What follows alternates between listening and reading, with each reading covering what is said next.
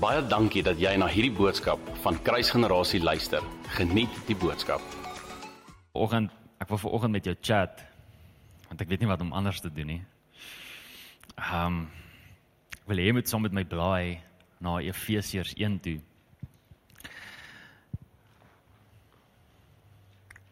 Ek sê hier agter vir die gebedspan. Hulle moet regtig vir my bid want die Here stretch my ongelooflik baie. Ek dink in die season waarin ons nou is. Um ek het vir my vrou gesê ek gaan net die hele tyd Leyland as 'n verskoning gebruik. Maar ek weet ek weet dit kan nie 'n verskoning verskoning wees nie en uh, ek het gehoor toe ek dit gesê het ek regtig gehoor hoe die Here vir my lag ook in dit. Maar ek ervaar so dat dat die Here ons season met Leyland gebruik juis om my preekstyl te verander en dat hy my in 'n nuwe dimensie in in wil vat. Um so ek dink vanoggend is die eerste oggend wat ek dit nou probeer skoot gaan gee want ek het nie 'n ander keuse nie. Ehm um, want hy het nie vir my 'n preek gegee nie. So so wat gewoonlik gebeur, kom ek verduidelik jou my proses van preek voorberei is die Here kom en hy sê vir my jy gaan hieroor preek. Soos hy gee vir my die topik, soos die hele hart van dit wat hy wil hê ek moet oor preek. En dan in my voorbereiding kom Heilige Gees en hy brei uit ehm um, en in die uitbreiding soos wat ek die goeders neerskryf, jy weet, kan ons dit dan nou alles bymekaar sit en dan het ons 'n preek. OK, so hierdie keer het die Here gekom en hy het glad nie 'n topik vir my gegee nie.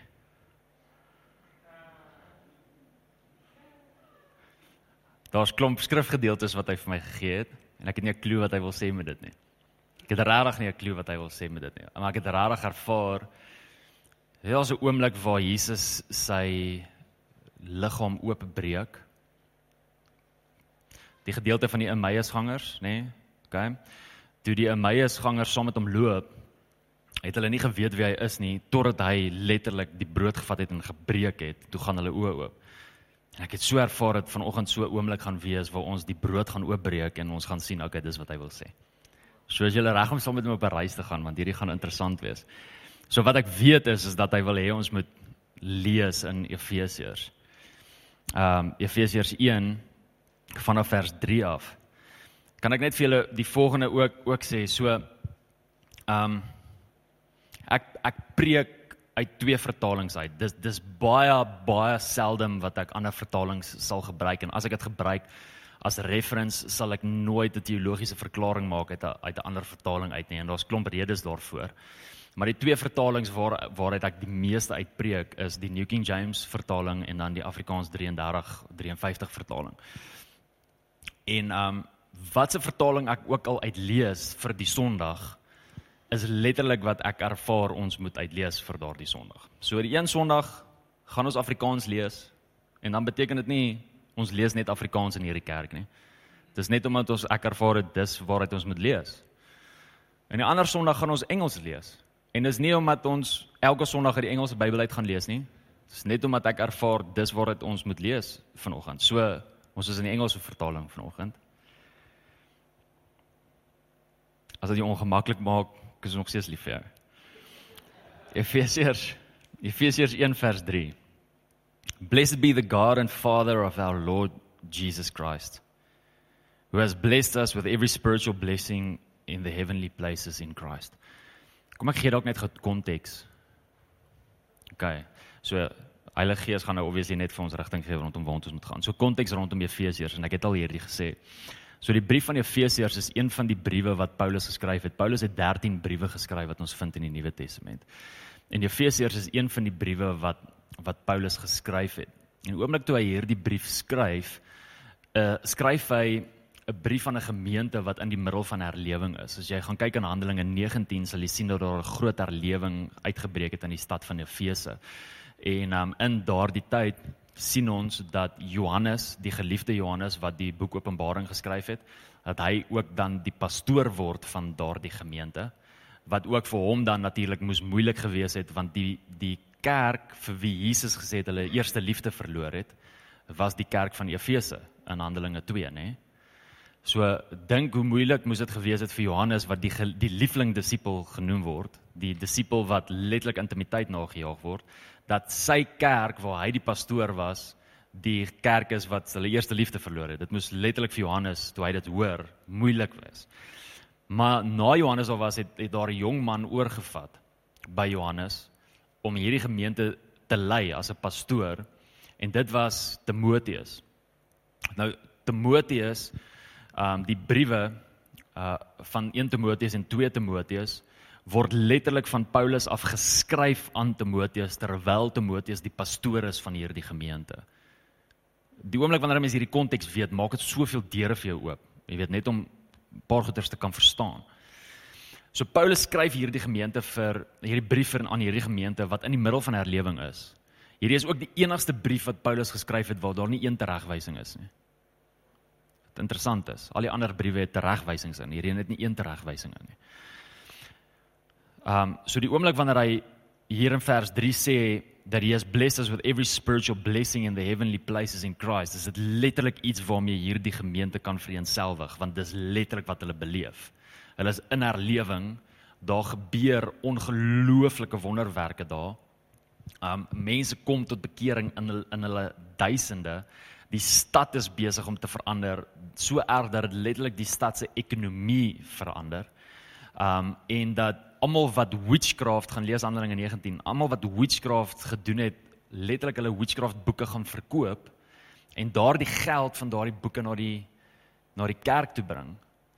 En as jy gaan kyk na die die geld, dan kan jy sien dit was 50000 jaar se wages. Altesaam wat na die kerk toe gebring is van al die boeke wat hulle verkoop het. So wys jy hoe groot was witchcraft daar. Maar die oomblik wanneer God se gees opdaag, is daar nie 'n ander gees wat kan opereer nie. Jy weet witchcraft, die die ouens ehm um, word word so in mesmerizement geplaas rondom witchcraft. Maar die oomblik toe God se gees opdaag, dis dit net soos dis nie meer genoeg nie. Hier's iets wat wow is, hier's iets wat groter is, hier's iets wat meer kragtig is as al hierdie goeders. En hulle gaan verkoop hulle boeke en kom net agter, okay, hierdie boeke help ons niks nie. Ons soek hierdie. Ons soek Heilige Gees. Um, in 'n geval, okay, kom ons lees aan. So vers 4 sê just as he chose us in him before the foundation of the world. Sorry, fluit ek terwyl ek praat.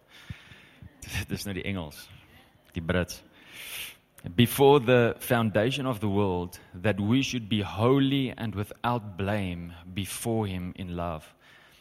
Ek is ek is vasoortuig dat ons as gelowiges die skrif lees en letterlik oor Openbaring lees soos ons lees letterlik oor die skrif partykeer omdat 'n ding vir ons te algemeen is met ander woorde dis te eenvoudig so ons lees maar net oor dit of 'n ding is te diep vir ons so ons lees oor dit want ons verstaan dit nie besef ons wat ons lees hier in vers 4 kom ek gee jou kom ek gee jou net so 'n bietjie konteks just as he so hier daar praat hy van God die Vader just as God the Father chose us in him, wie is die him waarvan hy daar praat? Jesus. So God die Vader praat hierso, hy praat hier van God die Vader wat ons gekies het om in Jesus te wees. En hoor wat sê hy? Hoor wat sê hy? Hy sê before the foundation of the world. Wag 'n bietjie. So so Paulus sê jy vir my dat God my gekies het om in Jesus te wees voordat jy alles geskaap het? Okay, joh, dit bring baie ander implikasies binne my gedagtegang. Met ander woorde, die oomblik toe Adam en Eva gesondig het, het hy nie opgetree op die sonde nie. Dit was nie die eerste keer wat hy 'n keuse gemaak het op die sonde nie. Hy het al voor dit opgetree op die sonde. Kyk jy hele hoor nie wat ek sê nie. Met ander woorde, kom kom ek sê hierdie Openbaring 13 vers 8 en jy gaan hierdie nie in die, in die Afrikaanse vertaling vind nie.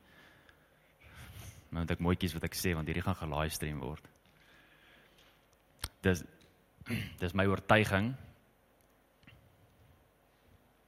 dat daar so klein bietjie van 'n kalvinistiese invloed is in die skryf van die Afrikaanse vertaling. Veral as jy gaan sekere gedeeltes lees. So in die Afrikaanse vertaling gaan jy hierdie nie kry nie. Openbaring 13 vers 8 in die Engelse vertaling sê the lamb of God who was slain from the foundations of the world gaan lees jy Afrikaans, hy sê dit nie so nie. Hy praat oor hy praat oor die mense wat die anti-kris gaan aanbid.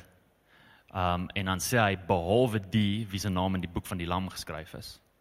wat geslag is van die fondasies van die wêreld af. Dis hoe die fondasie hoe dit hoe dit moet lees in die Afrikaans, maar in die Afrikaans praat hy daarvan dat die die name geskryf is in die boek van die fondasie af. En nie dat die lam geslag is van die fondasie af nie. Maar in elk geval Openbaring 13 vers 8 kom en gee vir ons 'n amazing waarheid en die waarheid is die volgende. Jesus was gekies om kruis toe te gaan voordat die aarde geskaap is kerk verstaan jy hierdie? Met ander woorde, God het nie toe Adam en Eva gesondig het op die sien gekom en gesien, ag, oh, joh, Adam, oh. Nee. Uh, okay, ek het nie hierdie sien kom nie, okay. Okay, hier is hoe ons hierdie ding gaan hanteer. Okay, Adam, Eva, julle droog gemaak.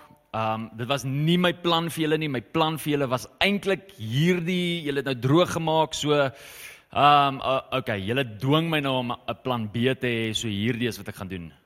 Dis hoe ons dink, nê? Dis wat ons dink as ons Genesis lees. Dis nie die waarheid nie. Die oomblik wanneer ons Efesiërs 1 vers 4 lees en Openbaring 13 vers 8 lees, en kan ek vir julle nog 'n skrifvers gee. Gaan na gaan na 1 Petrus toe. En Ek sê gewoonlik dis onder die P's, maar dit is nie, dis onder die 1e. So 1 Pet, ek check. Okay, so 1 Petrus 1 uh 1 Petrus 1 vers 17. Kan ek kan ek gou vir julle lees daar? O, oh, hierdie gaan pret wees. Ek like waar toe Heilige Gees ons besig is om ons te vat.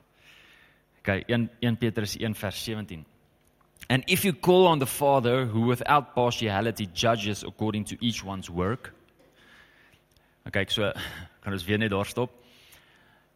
Almal van ons gaan voor hom staan eendag. Okay? Who judges us according to each one's work. Jy gaan nie pa staan vir wat ek gedoen het nie. Jy gaan ook nie pa staan vir wat jou pa gedoen het of jou ma gedoen het nie. Jy gaan pa staan vir dit wat jy doen, vir dit wat jy kies. Conduct yourselves throughout the time of your stay here in fear. So Petrus sê, luister hier, eendag gaan jy voor Jesus staan. En hy gaan jou judge. So lewe hierdie tyd uit met vrees in jou hart. Lag so die wêreld het hierdie hierdie saying van um jy weet jy het nie die reg om my te judge nie. Party ouens, ek weet nie of jy gesien het, die veral die gangsters het hierdie tattoos op hulle only God can judge me. Julle het dit al gehoor. Dit behoort jou vrek bang te maak. As dit jou uitkyk is, only God can judge me. Ja. Dit behoort jou bang te maak.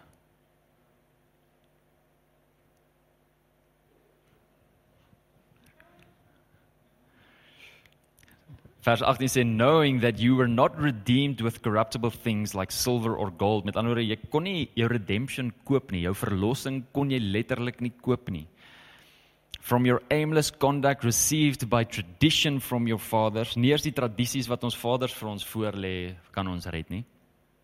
So by the way, so met ander woorde, my ma het kerk toe gegaan en ek gaan kerk toe want dis hoe ek groot geword het. So nou gaan ek hemel toe. Vers 19. But with the precious blood of Christ as of a lamb without blemish and without spot. Daai behoort jy excited te maak want Jesus was perfek. Hy was perfek en hoor wat sê vers 20. He indeed was foreordained before the foundation of the world. Okay, so Jesus was God se plan van die begin af. Nie Adam en Eva nie. Jesus.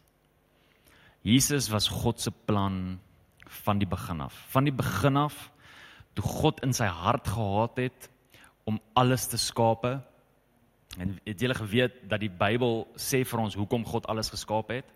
Wil julle weet hoekom hy alles geskaap het? Die Bybel sê want hy wou. Rarig. Dis wat die Bybel sê. Want hy wou. Hy wou alles geskaap het. Toe skaap hy alles. En toe hy alles geskaap het, voordat hy alles geskaap het, het hy geweet, okay, hier's 'n penarie. Dit wat ons gaan skape, gaan maak, gaan nie perfek wees nie.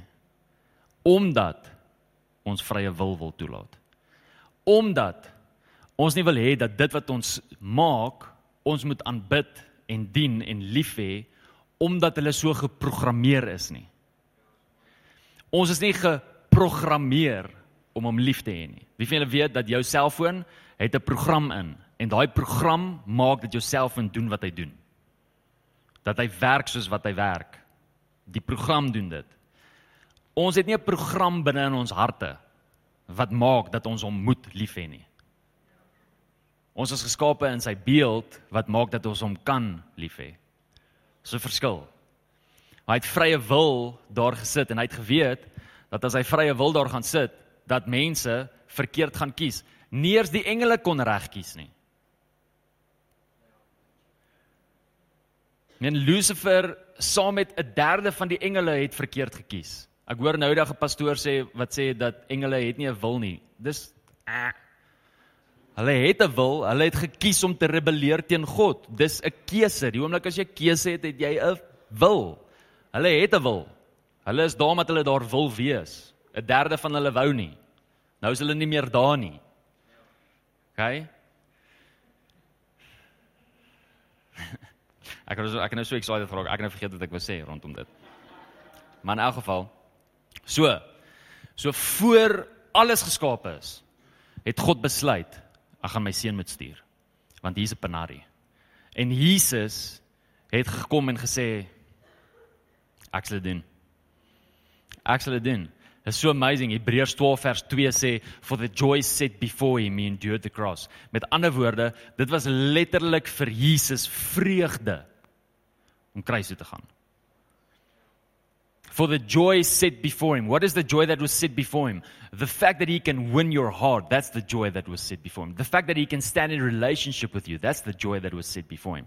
Met ander woorde, die feit dat hy jou kan verlos, die feit dat hy jou kan terugkoop, die feit dat hy kan maak dat jy nie in kettinge is nie, die feit dat hy kan kan maak dat niks 'n slaaf is oor jou nie, daai het joy by hom gebring en het gemaak dat hy deurgedruk het in deur die kruis. Maak nie saak hoe taaf dit was nie. Hy het selfs gekom en vir God gevra. Hoor hier, hierdie is insane. Hierdie gaan hierdie gaan vir jou 'n bietjie meer perspektief gee. So God het voor alles geskape is besluit daar gaan 'n kruis wees. God het voor alles geskape is besluit dat sy seun die perfekte offer gaan wees om op 'n kruis te hang. Voor alles geskape is, voor Adam en Eva ooit besluit het, voor die engele ooit besluit het, het God hierdie besluit dat daar gaan 'n kruis wees. Hier's Jesus in die tuin en hy vra vir God, Here, is daar 'n ander manier? Is daar 'n ander manier? Hè? Sou God 'n ander manier kon kry? 10 10 en 1, hy's God. Hy sou seker 'n ander manier kon kry, maar daar was nie 'n beter plan as Jesus nie. As daar 'n beter plan was as Jesus, dan sou die beter plan uitgevoer gewees het. Daar was nie 'n beter plan as Jesus nie. Jesus is die perfekte plan uit die hart van die Vader uit. Jesus is die mooiste plan uit die hart van die Vader uit. En elke een van ons is in hom gekies voor die fondasie van die wêreld. Kom ons gaan terug na Efesiërs 1 toe. Efesiërs 1 vers 4. Just as he chose us in him before the foundation of the world. Hy het ons gekies om in Jesus te wees voor die fondasies daar is. Voordat enigiets geskape is het hy gekies dat ons in Jesus moet wees. En hoor hier, that we should be holy and without blame before him in love.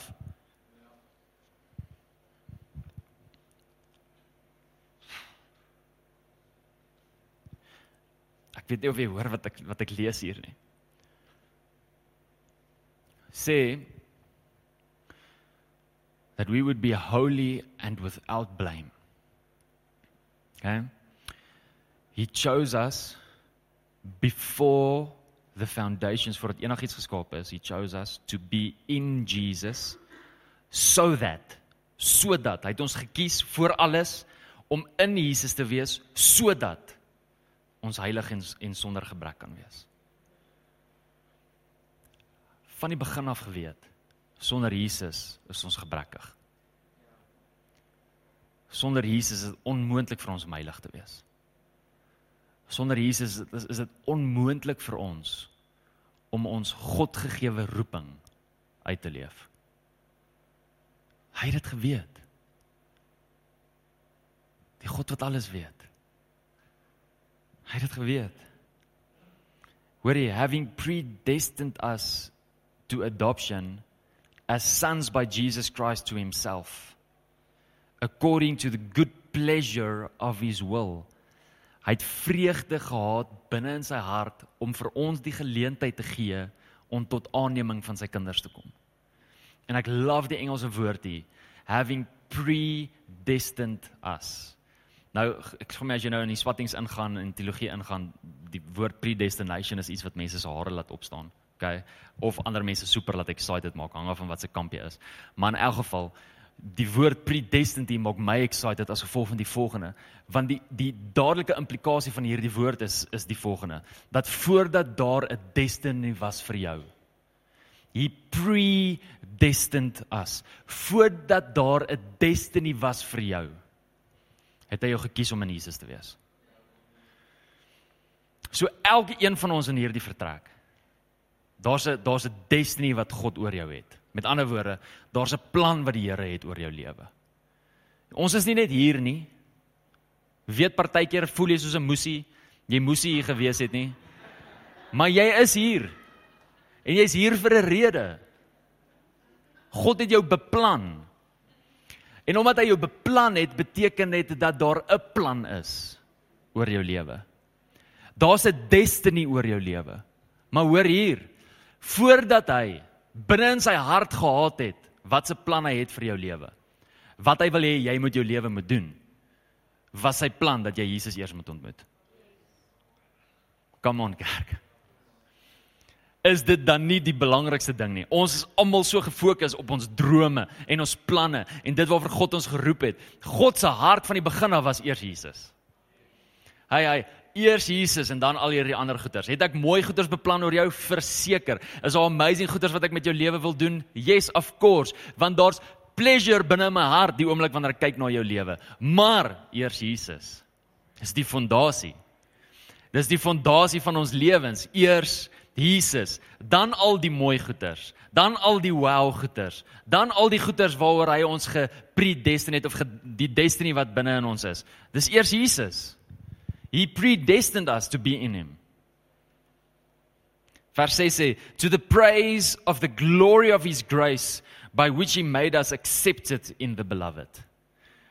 Weet jy en hoor jy julle met hierdie hierdie hierdie openbaring moet jy vang. Mag hierdie nie net kopkennis wees by jou nie. Hierdie moet openbaring wees by jou. Weet jy, do you know that you are accepted by the beloved? God aanvaar jou met jou issues met jou skewe oor met jou een tand wat nie daar is nie met jou baard wat nie lekker wil groei nie met jou vetrolle met jou moesie wat op die verkeerde plek sit. God aanvaar jou met die bedrog in jou hart met jou selfsugtigheid. Met jou hoogmoed. Met jou eie planne.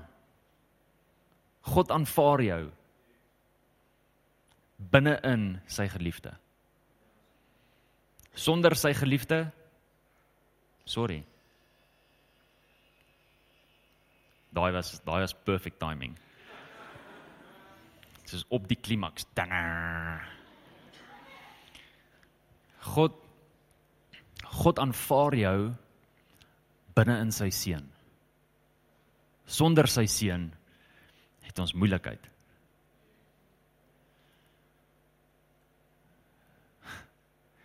Weet julle hoe nodig het ons Jesus?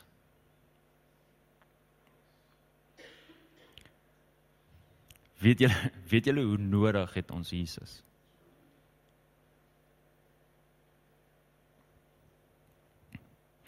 Vers 7 in hom we have redemption through his blood the forgiveness of sins according to the riches of his grace. Prys die Here vir 'n God wat ons sondes vergewe. Love die woord sins daar, die woord sins daar beteken past, present, continuous sins. Hy vergewe jou nie net vir dit wat agter jou is nie, hy vergewe jou vir dit wat jy nog gaan doen ook. Sy kruis was so groot. Sy die bloed wat gevloei het was so goed dat hy jou selfs vergewe vir die vieslike gedagtes wat oor 20 minute in jou kop gaan wees. Dat hy jou selfs daarvoor vergewe. Dis hoe groot hy is. In him we have redemption, jou Afrikaanse vertaling gaan sê verlossing. Die woord daar is is die is die Griekse woord apolutrosis wat letterlik beteken om 'n ransom te betaal. Dit beteken iemand het my vasgehou. Dit beteken iemand het die reg gehad oor my lewe. En Jesus moes kom en 'n ransom betaal het vir my om vry te kom. En en omdat hy 'n ransom betaal het, beteken dit dat daardie ander ou nie meer reg het oor my lewe nie. So hy het nie meer 'n sê oor waantoe ek gaan nie. Hy het nie meer 'n sê eers oor my verlede nie. En hy het nie eers meer 'n invloed in my nie want iemand anders het my gekoop met 'n dierprys. Sy naam is Jesus.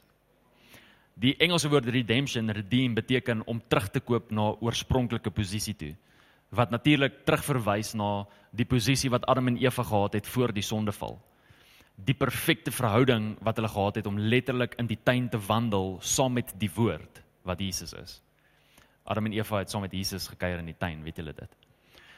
So dis waantoe hy ons teruggekoop het om letterlik toe te laat dat hy saam met jou in die tuin kan loop, jou tuin van jou hart, die tuin van jou hart. Jesus kan hier kom lewe. Jesus kan hier kom woon. Jesus kan hier saam met jou kom loop. Jy kan gemeenskap hê met die woord juis as gevolg van die feit dat hy jou vrygekoop het. Redemption. Vers 8 which he made to abound toward us in all wisdom and prudence. Sy genade is nie net gegee nie, maar sy genade is in oorvloed gegee. Familie, luister, ek ek weet hierdie is 'n is dis 'n unconventional preek hierdie. Want dit is so asof ons nie 'n regte punt het waartoe ons gaan nie. Maar hier is soveel waarheid wat Heilige Gees besig is om hier uit te lig. Ek hoop jy is besig om te hoor wat Heilige Gees besig is om te sê vir jou. Dat genade nie net vir jou gegee is nie, maar dat dit in oorvloed gegee is. Ek love wat Paulus sê. Ek kan nie onthou of in Romeine of in Korintiërs is nie. Een van julle kan my reghelp asseblief. Maar Paulus het die volgende gesê: "Where sin abounds, grace abounds even more." So waar sonde in oorvloed kom, is daar nog steeds meer genade. Dit praat van 'n liefdevolle God. Vers 9 sê having made known to us the mystery of his will according to his good pleasure which he purposed in himself. Paulus sê daar was 'n mystery gewees binne in God se hart wat hy ewe skielik kom bekend maak het. Julle dat die hele woord is eintlik 'n openbaring van dit, nê? Nee? Die hele die hele woord was eers 'n mystery. Totdat hy gekom het, God, nie mens nie, totdat God gekom het en geopenbaar het. En die oomblik wanneer God kom en openbaar, dan is dit nie meer 'n mystery nie, dan kom dit in die in die lig. So daar was iets gewees wat in God se hart was wat wat gebeure was in die verborgenhede dink ek sê die Afrikaans wat nou na die lig gebring is. En Paulus sê hy het die voorreg om hierdie te kan begin bedien.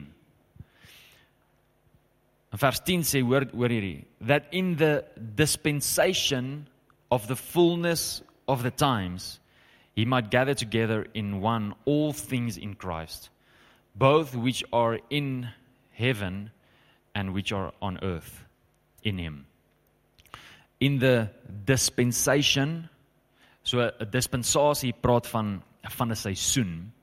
Maar die die Griekse woord hierso vir dispensasie is die woord oikomunio. En dit beteken letterlik om te bestuur of om te steward. So so God is besig om tyd te bestuur volgens sy wil sodat almal van ons in die eindtyd in Jesus Christus kan wees. Sien julle dat hy hierdie vers 10 praat van eindtyd? Hierdie praat nie meer van die kruis nie, hierdie praat nou van wanneer hy weer terugkom. Kom ek lees vir jou.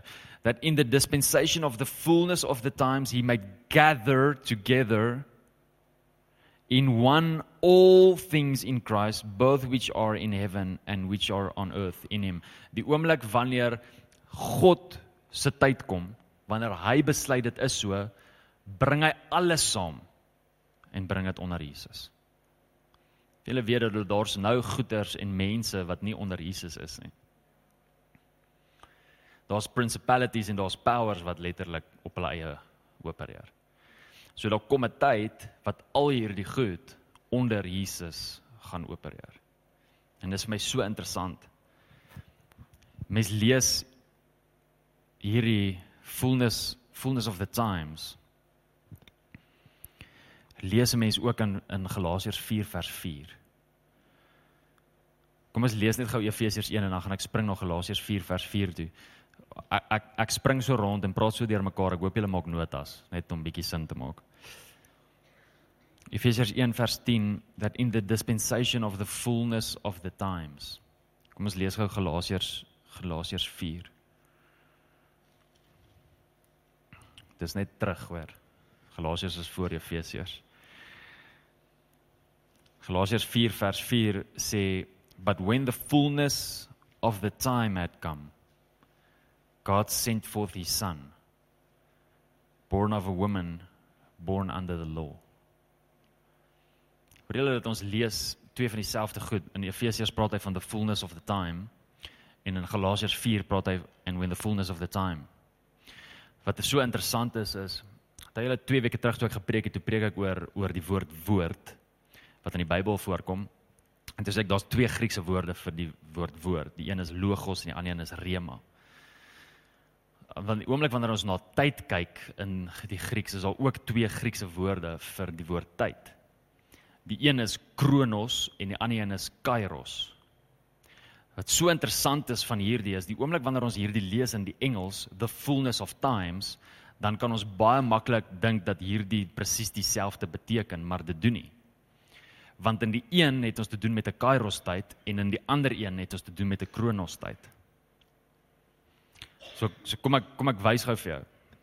In Efesiërs 1 praat hy van daar's 'n ek gaan hierdie vir jou probeer parafeer in my eie woorde want ek wil hierdie met vir jou sin maak. Okay, so dis nou die teacher in my wat uitkom. So hy praat van 'n tyd wat op pad is wanneer ons almal onder Jesus Christus gaan wees in Galasiërs 4 praat hy van 'n tyd wat gebeur het. Jesus se kruis is verby. 'n Tyd wat gebeur het. So as jy gaan kyk in die Grieks dan sal jy sien dat in Efesiërs 1 daai tyd waarvan hy daar praat is 'n kairos tyd. In Galasiërs 4 die tyd waarvan hy daar praat is 'n kronos tyd. So wat is die verskil tussen hierdie twee? Um Ek gaan dit in my eie woorde vir julle probeer verduidelik. So Kronos tyd is waar ons die die Engelse woord chronological vandaan kom. So met ander woorde dit praat van 'n volgorde. So Kronos tyd is letterlik 'n tyd wat gemeet kan word. OK, dit dit kan bepaal word. So as byvoorbeeld as jy wil weet wat my verjaarsdag is, daar's 'n tyd gekoppel aan my verjaarsdag. Né, nee, dis dis deel van my Kronos tyd. Die tydperk wat God in God se hart is vir my lewe op aarde is 'n kronos tyd. Want in sy hart weet hy presies ek is gebore 4 Desember 1984 en ek is oorlede 20 Januarie 20240. Nee, ek wil nie so oud word nie. Dit is net 'n grappie. Okay. Maar daar's 'n kronos tyd binne in sy hart. Hy weet dit, maar ek weet dit nie. Okay, so Kairos tyd het het te doen met 'n dis 'n God oomblik. Dis 'n die Grieke sal sal sê want hulle haal nou God uit die storie uit. So as die Grieke Kairos tyd verduidelik, dan sal hulle dit verduidelik as 'n as 'n oomblik in tyd wat tyd stil staan. Ons almal het al sulke oomblikke gehad. Jy weet, soos byvoorbeeld die die dag wat jou kinders gebore is was 'n oomblik wat tyd vir jou stil gestaan het. Die die dag toe jou vrou by die kansel afloop, was daar dalk 'n oomblik wat jou want want jou asem was weggeslaan. Verstaan jy? Daai daai oomblikke wat tyd stil staan, is 'n kairos tyd. Maar in in Nuwe Testament terme in in in gelowiges taal praat dit van 'n tyd wat in God se hart is. So so hierdie is die volgende. Met ander woorde, God het planne in sy hart. God het begeertes binne in sy hart.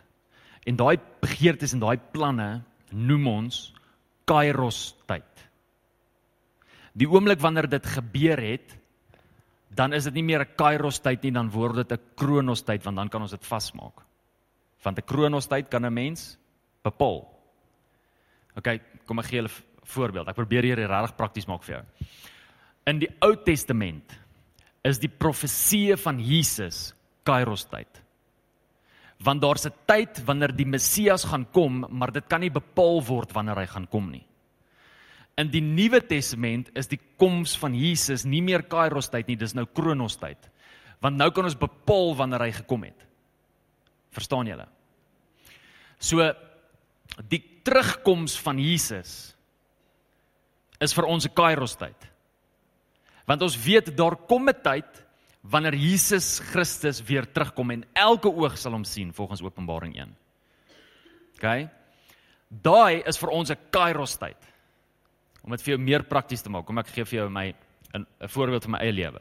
So toe ek jonk was, het ek geweet ek gaan eendag trou. Nee, ek het geweet ek gaan 'n begeerte hê tot 'n vrou en ek gaan eendag met hierdie vrou wil trou en ons gaan obviously saam wil lewe doen. Maar toe ek klein was, kon ek nie vir jou gesê het wanneer nie.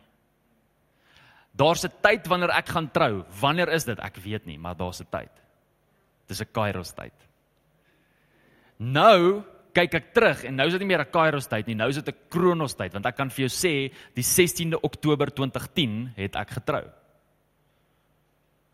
So, dis verstaan julle die verskil tussen 'n Kairos en 'n Kronos tyd? Is julle met my? Is almal met my? Dat ek dit meer prakties verduidelik. OK. So hier's die hier's die amazing ding. OK. In in in die tyd waarin ons leef, die Kairos tyd waarin ons leef en die Kronos tyd waarin ons leef. Is daar goed in God se hart vir nou? Dis Kairos oomblikke by hom. En die, en die oomblik wanneer dit gebeur, dan word dit 'n Kronos tyd. Dan kan dit bepaal word. Soos byvoorbeeld, ek het nou-nou vir julle 6 beloftes gelees. Daai 6 beloftes, daar's 'n tyd wanneer dit gaan gebeur. Op die oomblik is dit Kairos tyd. Maar die oomblik wanneer dit gebeur, die oomblik wanneer herlewing uitbreek, nie as nie wanneer. Die oomblik wanneer herlewing uitbreek, gaan ons 'n tyd kan sê, daai dag, so laat. Het herlewing uitgebreek.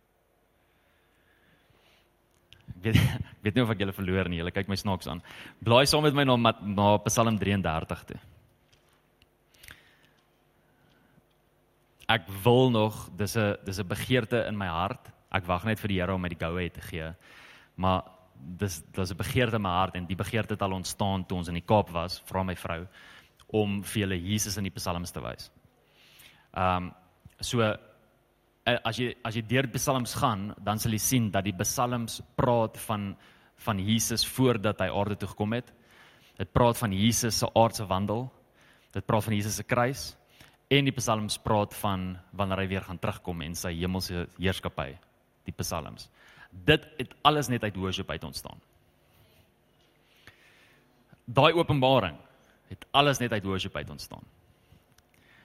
Moenie moenie deur die worship jaag om by die woord uit te kom nie. Daar's meer openbaring in die worship as wat daar in die woord is. Kyk Psalm 33. Kom ons lees van Kom ons lees van vers 6 af. By the word of the Lord the heavens were made, and all the host of them by the breath of his mouth.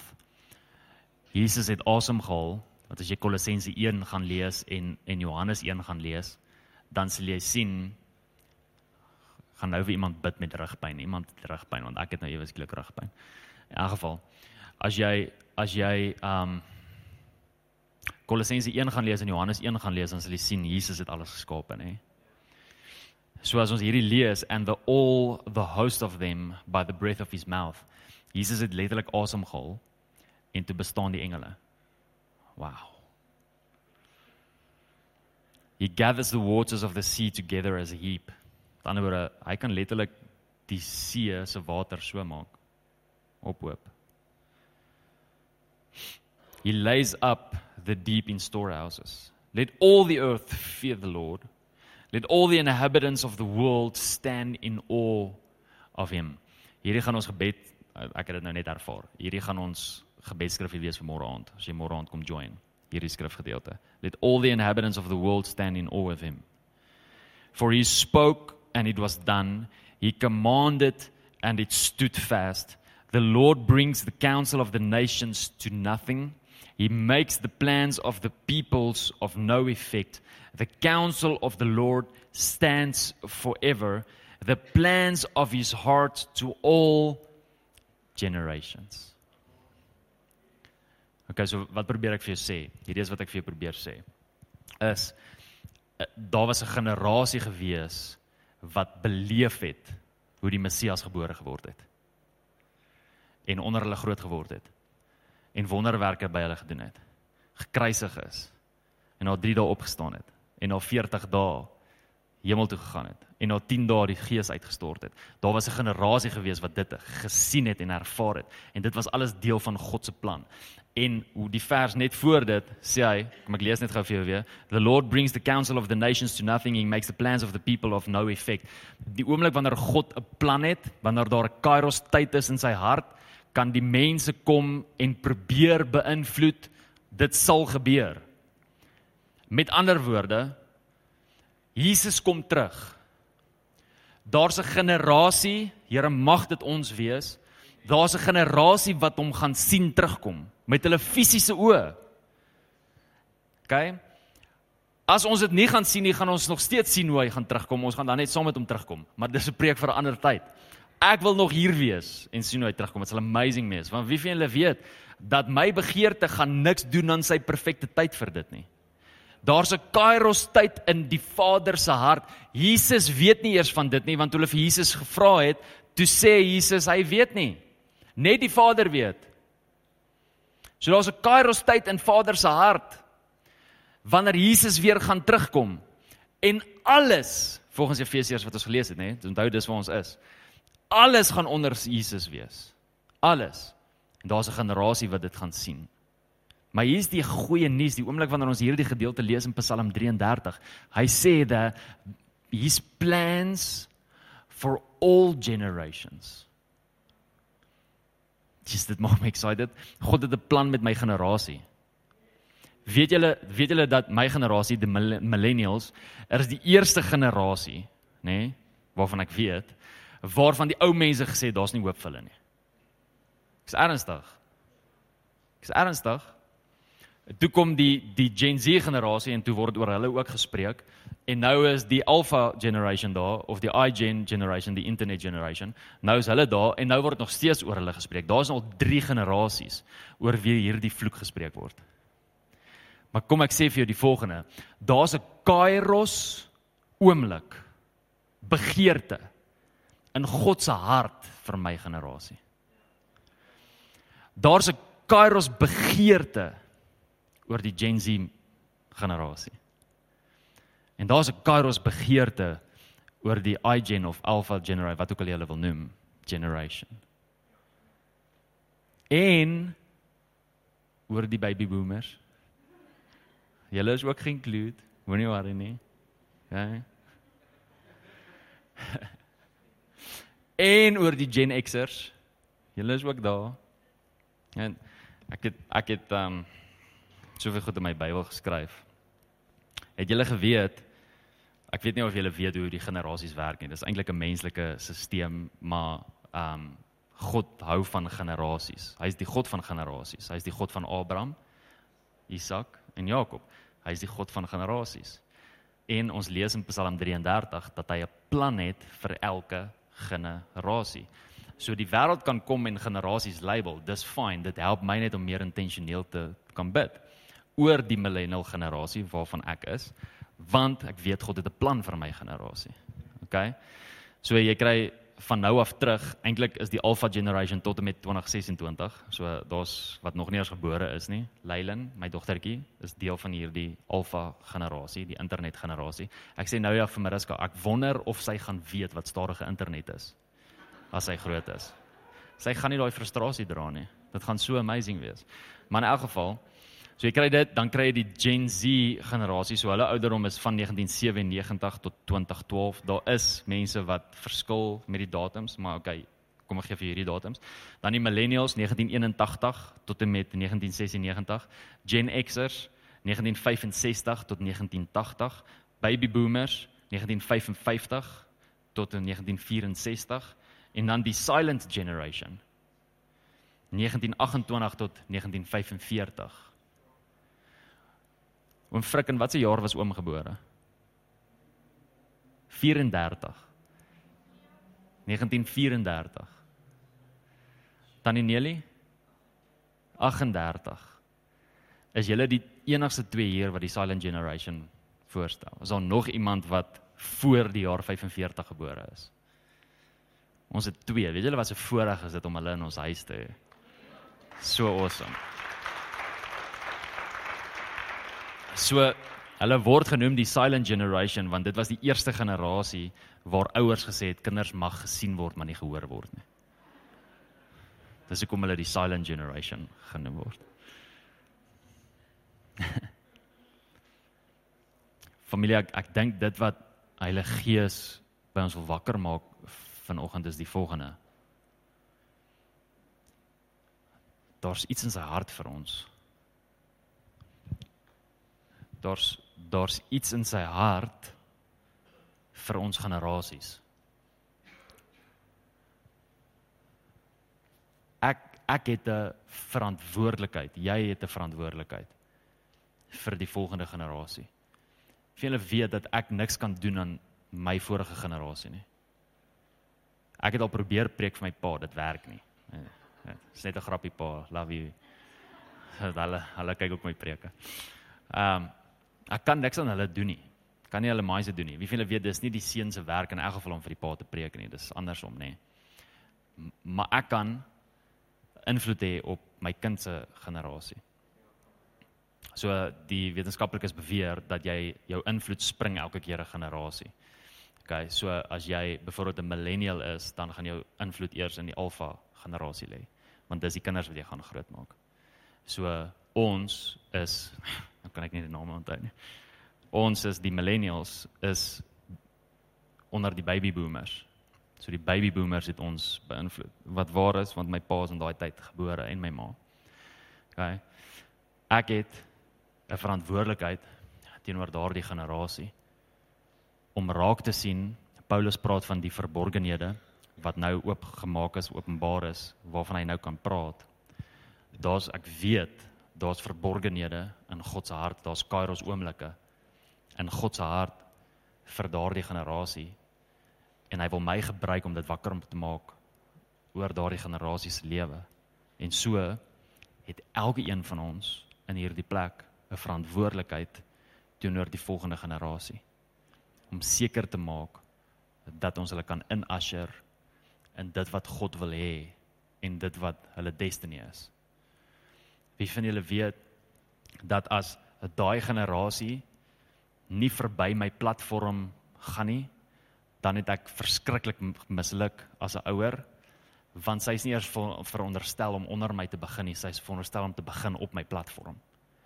Met ander woorde, die knowledge wat ek het van God, die openbaring, die history wat ek al gemaak het saam met hom, wat my geshape het, dit moet haar fondasie wees en net so elke een van ons vir ons kinders en oor wie ons invloed het om seker te maak dat daar sekere goeders is waaroor sy nie hoef te wrestle nie.